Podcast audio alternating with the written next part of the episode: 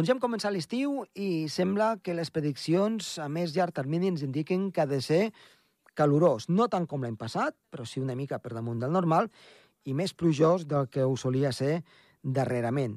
Per tant, és una bona notícia. Nosaltres tornarem la temporada vinent amb més coses sobre meteorologia i també sobre el clima. Comença el torn.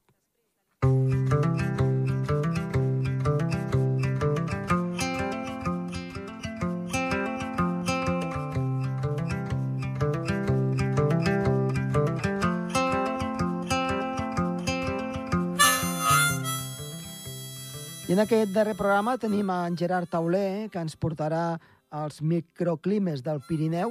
Depèn d'on estem al Pirineu, la situació que es pot viure doncs és molt diferent i ell ens farà una pinzellada sobre això. I després tindrem el meteoròleg també Josep Maria Gasca, des de Coll de Nargó, que ens explicarà una mica la seva trajectòria i el per què eh, li agrada tant la meteorologia fins avui dia, amb tots els elements que ha pogut viure al llarg de la seva vida i que l'han marcat des del punt de vista meteorològic. Som-hi!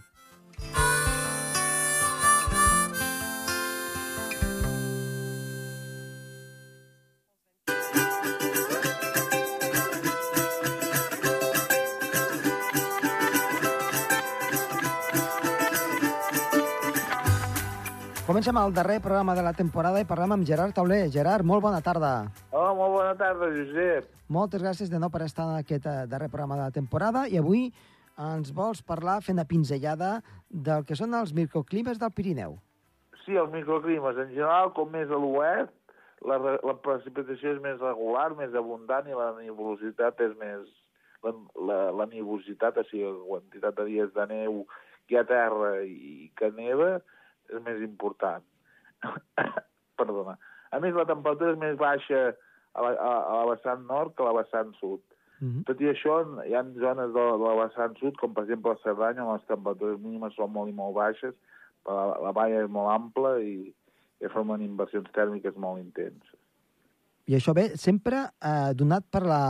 A part de per l'altitud, evidentment, no? Doncs estem en una serralada. L'altitud, clar, com més altitud, més fred. I, I sobretot per, per, per això que dius de, de l'est i de l'oest, o sigui, per la Mediterrània i per l'Atlàntic. La proximitat a l'Atlàntic i, i, i a, la, les zones, a, a la vessant nord, són més fredes que a la vessant sud, sí, sí. I, i més a prop de l'Atlàntic les precipitacions són més abundants i sobretot els dies de neu són més freqüents. Uh -huh. Per tant, tenim aquests tres diferencials, eh? De, de l'alçada, la situació geogràfica respecte al mar i a l'oceà, i, i després Perquè el l'orientació... règim de la precipitació m'he oblidat de dir que són diferents. Ah, Són més, eh, són més regulars a, a les zones més a prop de l'Atlàntic, on hi ha una, un màxim pluvimètric típic, i, vull dir, fort, uh -huh. en- tot cas l'estiu és més sec que, que, que l'hivern, ai, l'estiu és, és l'època més seca, en canvi eh, l'estiu és l'estació més humida al Pirineu Oriental, al Pirineu de Girona. Uh -huh. que és on, on, on hi ha més, més tempestes, diguem-ne, no? Hi ha Allà. més tempestes i això fa que aquí eh, al Pirineu de Girona sigui l'època més plujosa a l'estiu. Uh -huh. Per tant, la gent ja ho sap, eh? quan vagi al Pirineu, no el temps és sempre igual, sinó que depèn de quina valla, quina alçada, la situació eh, canvia. L'alçada, clar, evidentment, canvia eh, moltíssim. Les temperatures són més baixes a, alta muntanya, de 2.000 metres, la temperatura mitjana és de 5 i, a- i a 1.000 metres de, de 10 i mig. Uh -huh. Doncs Gerard, eh, moltes gràcies per aquest apunt meteorològic i t'esperem la propera bon temporada. estiu A tu i a tots els oients. Igualment, que passis un bon estiu. Molt bé, moltes gràcies, adeu. Adéu-siau.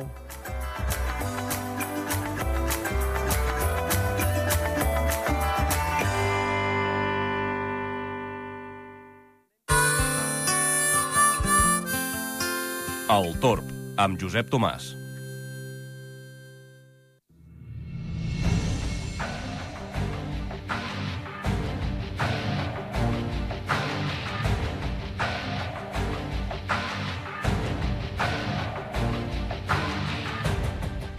En el programa, en aquest darrer programa de la temporada tenim a Josep Maria Gasca, meteoròleg que està doncs, a Coi de Nargó. Josep Maria, moltes gràcies per estar una vegada més aquí amb nosaltres. Moltes gràcies a vosaltres, eh, és un plaer. El Josep Maria eh, ha estat doncs, col·laborador habitual al llarg de tots aquests anys. De cara a l'any que ve, doncs, aquesta col·laboració no és que la deixi de fer, però sí que l'espaiarem una miqueta més no? per, per temes personals i nosaltres volem avui eh, una miqueta que ens expliqui una mica eh, també la seva trajectòria, que crec que és molt interessant i ens pot explicar moltes coses sobre el món de la meteorologia i, i també doncs, de les seves vivències viscudes que crec que són prou interessants per nostres, eh, per totes les persones que ens escolten. Josep Maria, eh, la primera pregunta que a mi alguna vegada també me l'han fet i a totes les persones que ens agrada això eh, és d'on et ve l'afició per la meteorologia? Bé, en el meu cas, eh, de fet, vaig ser el primer de la família que s'hi va interessar. Uh, hi ha molts casos d'aquests que hi ha com una surgència d'una ficció, uh, astronomia o meteorologia, etc, sense antecedents familiars, sinó que en el meu cas va, va venir de cop i, i no va haver-hi cap factor extern que m'hi conduís, espontani, de molt petit, a més. Mm. Eh, I, per, per tant, és, és una mica de, de, d'observar la natura, de, de veure sí. una mica el dia a dia, de estar, potser d'haver escoltat alguna cosa, no?, que parlaven la gent, la gent més sí, gran de, de l'època, no? Exacte, sí, de fet, uh, a mi sempre la meteo, la meteorologia, sempre l'he tingut més o menys ficada al cap des de molt petit. Recordo excursions que fèiem aquí per a l'Urgell, cap a Odent, cap a unes fonts, i recordo cap a les Salines, recordo la primera tempesta que jo devia tenir 4 o 5 anys, amb una gota que em va caure l'ull i em va fer mal, i, llavors em vaig començar, a partir d'aquells eh, primers instants o anys de la meva vida, em va començar eh, a interessar la meteorologia eh, amb les seves manifestacions, que a vegades em feien por, com els trons, i a vegades em quedaven atenció, com els freds, però això em va anar quedant, et va quedant com un poço a dintre, no? Eh, que, clar, no hi ha cap nivell científic en aquesta fase, m'he venit cap eh, aficionat, perquè estem parlant de persones de 7, 8, 9 anys. Eh? Mm. L'any 55, eh, que estava jo a la Vilella Baixa, un poblet de, del Priorat, no lluny de Falset, eh, va haver una pedregada molt forta, fortíssima. Vull dir, van haver-hi van quedar els camps arrasats, la gent venia del camp amb, amb blaus als braços, amb sang a la cara, i va ser algo que jo, com a nano, no havia vist mai ni, ni he tornat a veure mai. No? Un, un, un gent ensangonada, vidres trencats, els cotxes de línia plens de bonys, els camps, que diguem, els ceps i tot el que era verd, no existia, havia quedat tot net i tot, el, tot pelat i a terra, cap fulla a les plantes, i la gent del poble estaven com paralitzats, com desconcertats. Eh, alguns, jo recordo que parlaven sols. Alguns pujaven del tros, que se'n diu, del camp, rient, no? I, i, i no sé, i no es tocaven les ferides, no els fotien cas. Va ser algo realment caòtic, no? Va haver un soroll fortíssim previ. La meva àvia eh, dient que allò era fi, de, la fi del món, una foscor terrible, i llavors van començar a caure pedres de 3 o 4 centímetres de, de diàmetre. Avui en dia encara, aquest any, 2023, encara podem veure façanes uh -huh. marcades de la pedra, que algú es pensa que és metralla, però amb, amb 70 anys després encara es pot veure. I això, doncs, eh, em va marcar. Déu-n'hi-do, eh? Després, mig any després... Perdó? Que Déu-n'hi-do, eh? Déu-n'hi-do. Sí, sí, Impressionant que algú... pot arribar a ser... Eh, eh, i sobretot per, per, la, per, per la manera de viure de l'època, no? que, que era sí, sí, 100% sí. dependent de, de, de, del tros, no? Que amb una exacte, tempesta d'aquestes doncs, t'arruïnava eh, per, per molt de temps. T'hipotecava gairebé la vida. Imagina la, la brema, la brema, això va passar a l'agost, la brema és al setembre, vull dir, uh mhm. -huh. l'ametlla també és agost-setembre, eh, l'oliva, que era el desembre-gener. Vull dir, va ser terrible, i inclús amb l'aspecte de viure un episodi de temps sever, molt sever, jo recordo que pujava amb el meu avi, eh, que ell el, aquest moment tenia 75 anys, i em va dir, vés corrent cap a casa, jo no puc més, s'ha de córrer, aquí passa l'algú, em sembla que s'ha volat cap al món, vés corrent cap a casa, era un carrer de molta pujada, i vaig anar cap a casa, i llavors vaig trobar allà l'àvia agenollada dient que s'acabava el món, vull dir, jo petit, va ser algo realment dantesc, eh? Vull sí, dir sí. que no, no passaré mai espero una altra situació en aquest sentit d'acabament de món. I sí, efectivament va ser una, una pèrdua de diners i de moral per la gent del poble i que a continuació, pocs mesos després, van venir els freds del 56, del gener del, del, de febrer del 56, Uh -huh. que, que van causar, doncs, bé, jo no sé, aquí dalt a la zona de l'Urgell, Andorra i Cerdanya, però probablement és arribar de 15-20 sota zero, a Barcelona 6 sota zero, al veure la roba estesa com un cartró, com tots coneixem quan es deixa l'estiu a l'hivern, perdó, la nit, al ras, i, i els xipolls de Barcelona, del centre de Barcelona, plaça Universitat, els que coneixeu, carrer Pelai, eh, el rovell de l'ou, tot congelat, vull dir, tot congelat. I jo, doncs, realment estava consternat. Venia de la pedregada, entràvem a l'hivern, unes gelades que no, que no recordàvem mai, i, i que patinaves pel carrer, i la gent i, i em va semblar, doncs, això, tot això em va anar accelerant o, o activant l'interès per la meteo. Eh, Però sempre des d'un punt de vista de, del que observa i que veu i que veu el que va passar.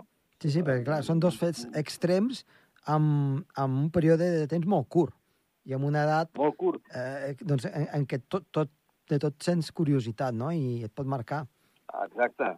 I una cosa frapant que m'ha deixat de citar va ser els aiguats del Vallès del 62, Uh -huh. Tant. tres mesos abans de la neu.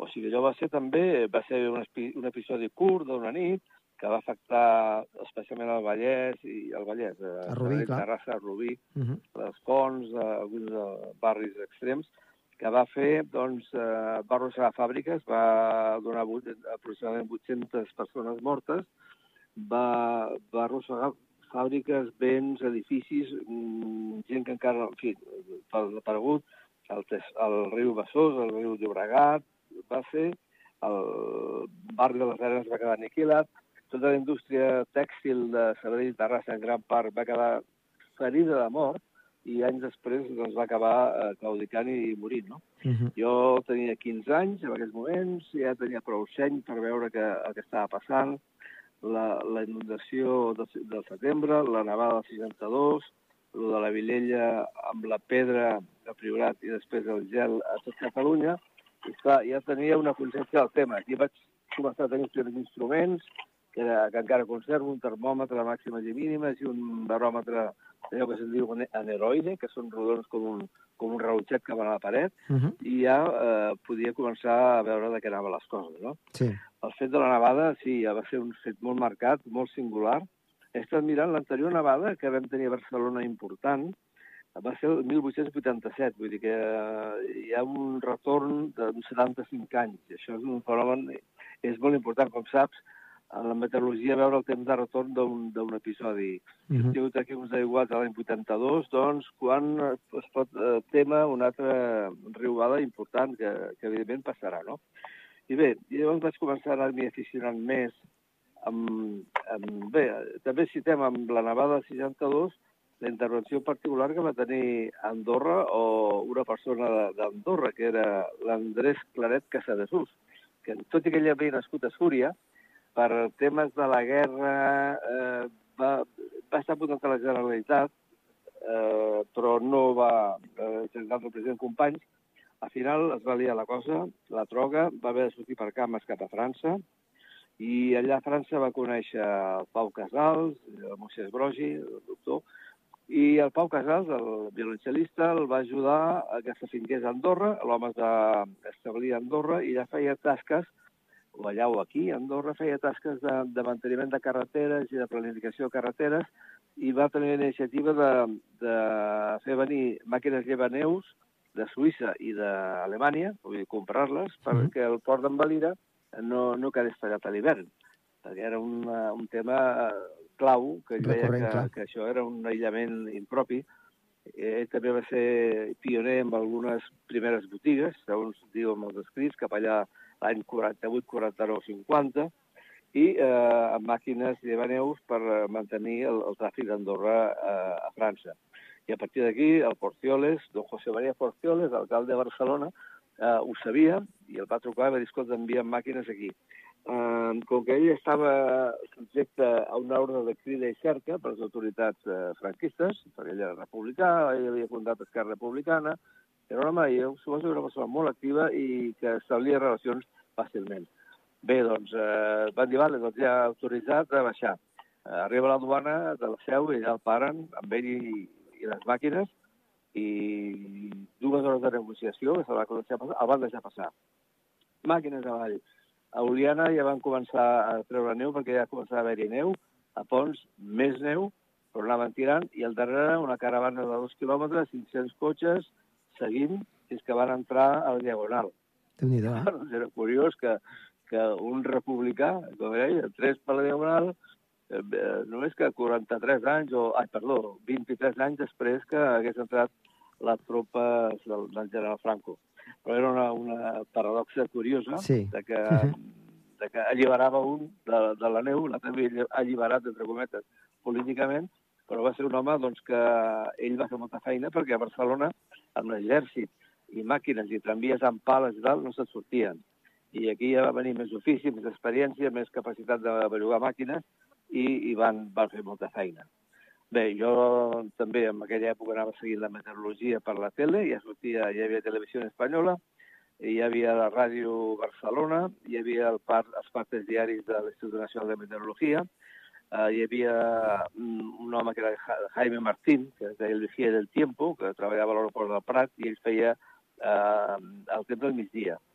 El Mariano Medina, l'il·lustre Mariano Medina Isabel, que feia tots els diaris de l'època, el migdia i la nit, i després a casa tenia la Vanguardia, i ja podíem llegir la pàgina del temps, que, que era mapes del temps, amb, amb de fet, eh, Catalunya i Andorra, i deien les, i, i els diumenges sortia un article només monotemàtic de meteorologia d'un tal Alberto Línez Escardó, que era un geni que va morir no fa gaires anys, al qual vaig poder saludar també, que deia les nubes manden. Tot això m'anava fent a mi ja un pozo de, del tema de, de la meteo. Vaig començar a comprar llibres de meteorologia, que tinc uns quants, no tots llegits, val a dir, no tots eh, aporten nou, n'hi ha de redundants, però que estic a coll de Nargó. Si algú vol fer alguna, alguna consulta, que m'ho digui, i escolta, es pot veure i tocar, i llegir. Eh, vaig anar comprant instruments de, de meteo, vaig anar instal·lant eh, ja més cap aquí eh, estacions automàtiques, EMA, Empreses Meteorològiques Automàtiques, i després, eh, ja saps tu que en seminaris, jornals i conferències Mhm. i trobar els aficionats et vas enfortint l'afició, es va retroalimentant i vaig eh, tenir la sort doncs, de poder fer-me soci de la CAM, de la COM, i tot això, Associació Catalana d'Observadors Meteorològics, Associació Catalana d'Aficionats Meteorologi, en Meteorologia, són bastant paral·lel, paral·leles.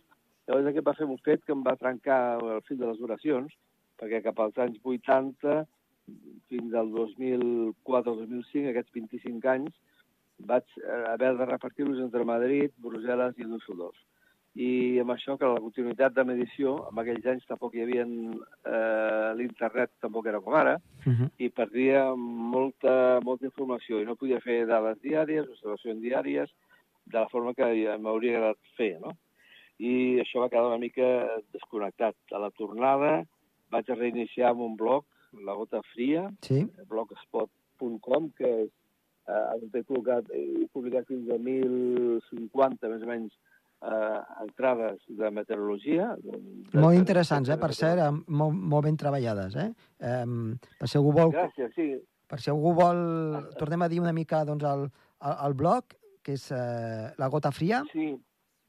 Punto blogspot.com Perfecte. La gota fria punt blogspot.com uh, allà estic com el Mariscal Tro, que és un nom pintoresc, però bé, eh, sí, n'hi ha, ha millors que altres, però ara porto un temps parat. Eh, és difícil a vegades trobar temes, o trobar el moment, o trobar les ganes de fer un article, perquè l'has de fer, mm, eh, diguem, amb cert rigor, i complint els elements que tu busques, no? Sí. que hi hagi una exactitud, una precisió, un cert interès, però ja dic, més de mil publicacions, en èpoques eh, glorioses, de fer-ne una cada dia, inclús dies de dos o tres. Eh? Uh -huh. de, de, de fet, el, el tema de, de la meteo és, és com un cercle, no? Arriba un moment on, on ja has anat tota la volta i, i, i, i has tocat gairebé tots els temes. I, clar, és, és, és Sí. complicat, no?, que torni... Eh, has de veure ja coses noves, eh, experiències noves, això, doncs, eh, costa, una, costa molt, eh? eh T'ho dic jo que Exacte, també, perquè- al fer el programa, doncs, a vegades costa doncs, de, de veure, doncs, a veure quines temàtiques noves tractar. I, I amb el que parles del blog, eh, amb més de mil entrades, déu nhi eh? Té molt de mèrit. Sí, sí, sí, sí, sí. Déu-n'hi-do. tu. Sí, m'exigia, m'exigia molt. Eh, podria ser dues hores o tres al dia eh, fent això. És molt temps. I, I vaig anar fent altres coses que vaig anar limitant. Però bé, eh, sí, sí, no hi ha tants temes, perquè hi ha, hi ha infinits temes, si vols, si vols dir-ho així. Però eh, que estiguin a l'abast de, de molta gent i que puguin interessar molta gent ja és més complicat Clar. perquè sovint la cosa es tecnifica i es fa molt àrida. I inclús pels que la gent que entén més o menys de meteorologia, um, que són aficionats i que els agrada, que miren el temps i volen saber quin temps farà, però que els és difícil, en- ens és difícil, entendre... Eh, hi ha una zona de la meteorologia que ja és més aviat física, que està basada en fórmules, en models matemàtics, en models que van fent-se corrents segons les hores, i això és difícil i és àrid. No és una cosa que diguis, és fascinant, com pot ser l'estat dels núvols o les ratlles dels reactors dels chemtrails Uh -huh. o les tempestes com es formen. Això ja entra en un terreny ja molt tècnic, molt tècnic, que, que de fet és meteorologia, però ja realment física, i que s'escapa una mica del, del que pot sentir un aficionat mm, normal, com és la majoria, no? Perquè meteorologia, com en tot, hi ha un gran gradient entre el que la persona sap una mica, el que en sap bastant, que en sap molt, i, i, i el que sap moltíssim, no? I genis que en sàpiguin molt i transmet, transmeteixin bé els seus coneixements de forma entenedora, eh, n'hi ha pocs. És dir, que ells tenen un gran coneixement del qual obre una mica l'aixeta i et donen una part que tu puguis assimilar. Però ja és difícil, eh? Ja és difícil que inclús els medis de, de televisió, els que conec jo, eh, bé, eh, no és fàcil trobar un bon comunicador eh, amb res, però en meteorologia, meteorologia tampoc, no?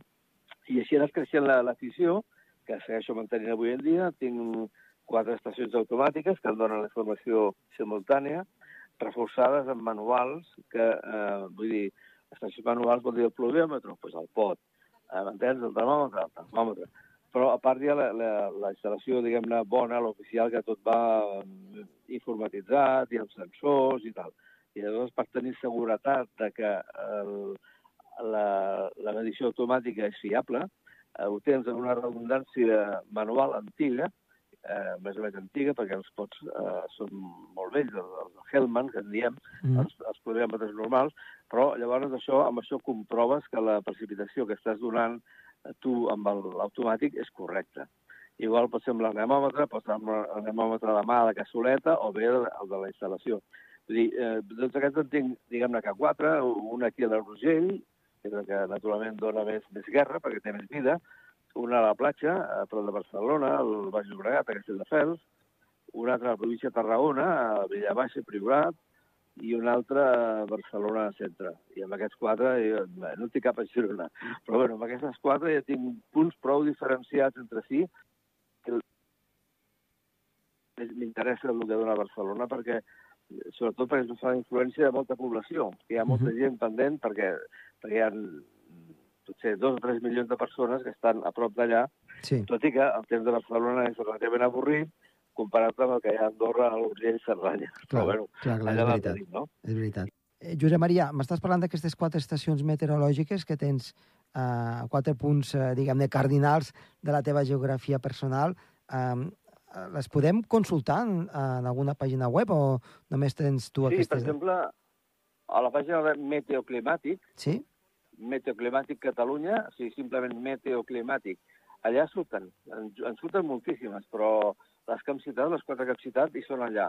Amb, amb temperatura màxima, mínima, mi, eh, humitat màxima, mínima, vent, precipitació del dia acumulada. És prou complet, eh? Us recomanaria que un tingui interès perquè pràcticament pot veure allà de tot Catalunya, inclús de tot Espanya, inclús a Andorra, en tres o quatre estacions, vull dir que és d'interès meteoclimàtic.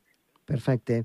Doncs Josep Maria, Mm. eh, moltíssimes gràcies per eh, haver-nos estat tots aquests anys aquí amb nosaltres. Eh, que l'any que ve, doncs aquesta temporada vinent, també esperem que hi estiguis de manera més puntual com tu ens has dit, i et volem donar les gràcies de part de tot l'equip per tots aquests coneixements que ens has donat i, com sempre, t'esperem una propera vegada. Moltes gràcies a tots vosaltres. Per mi també ha sigut un temps molt bonic, maco i amb molt bons companys. Molt bé, t'ho agraeixo molt. Moltes gràcies i fins la propera. Fins la propera, una forta abraçada. Igualment, abraçada. Adéu-siau. Adéu.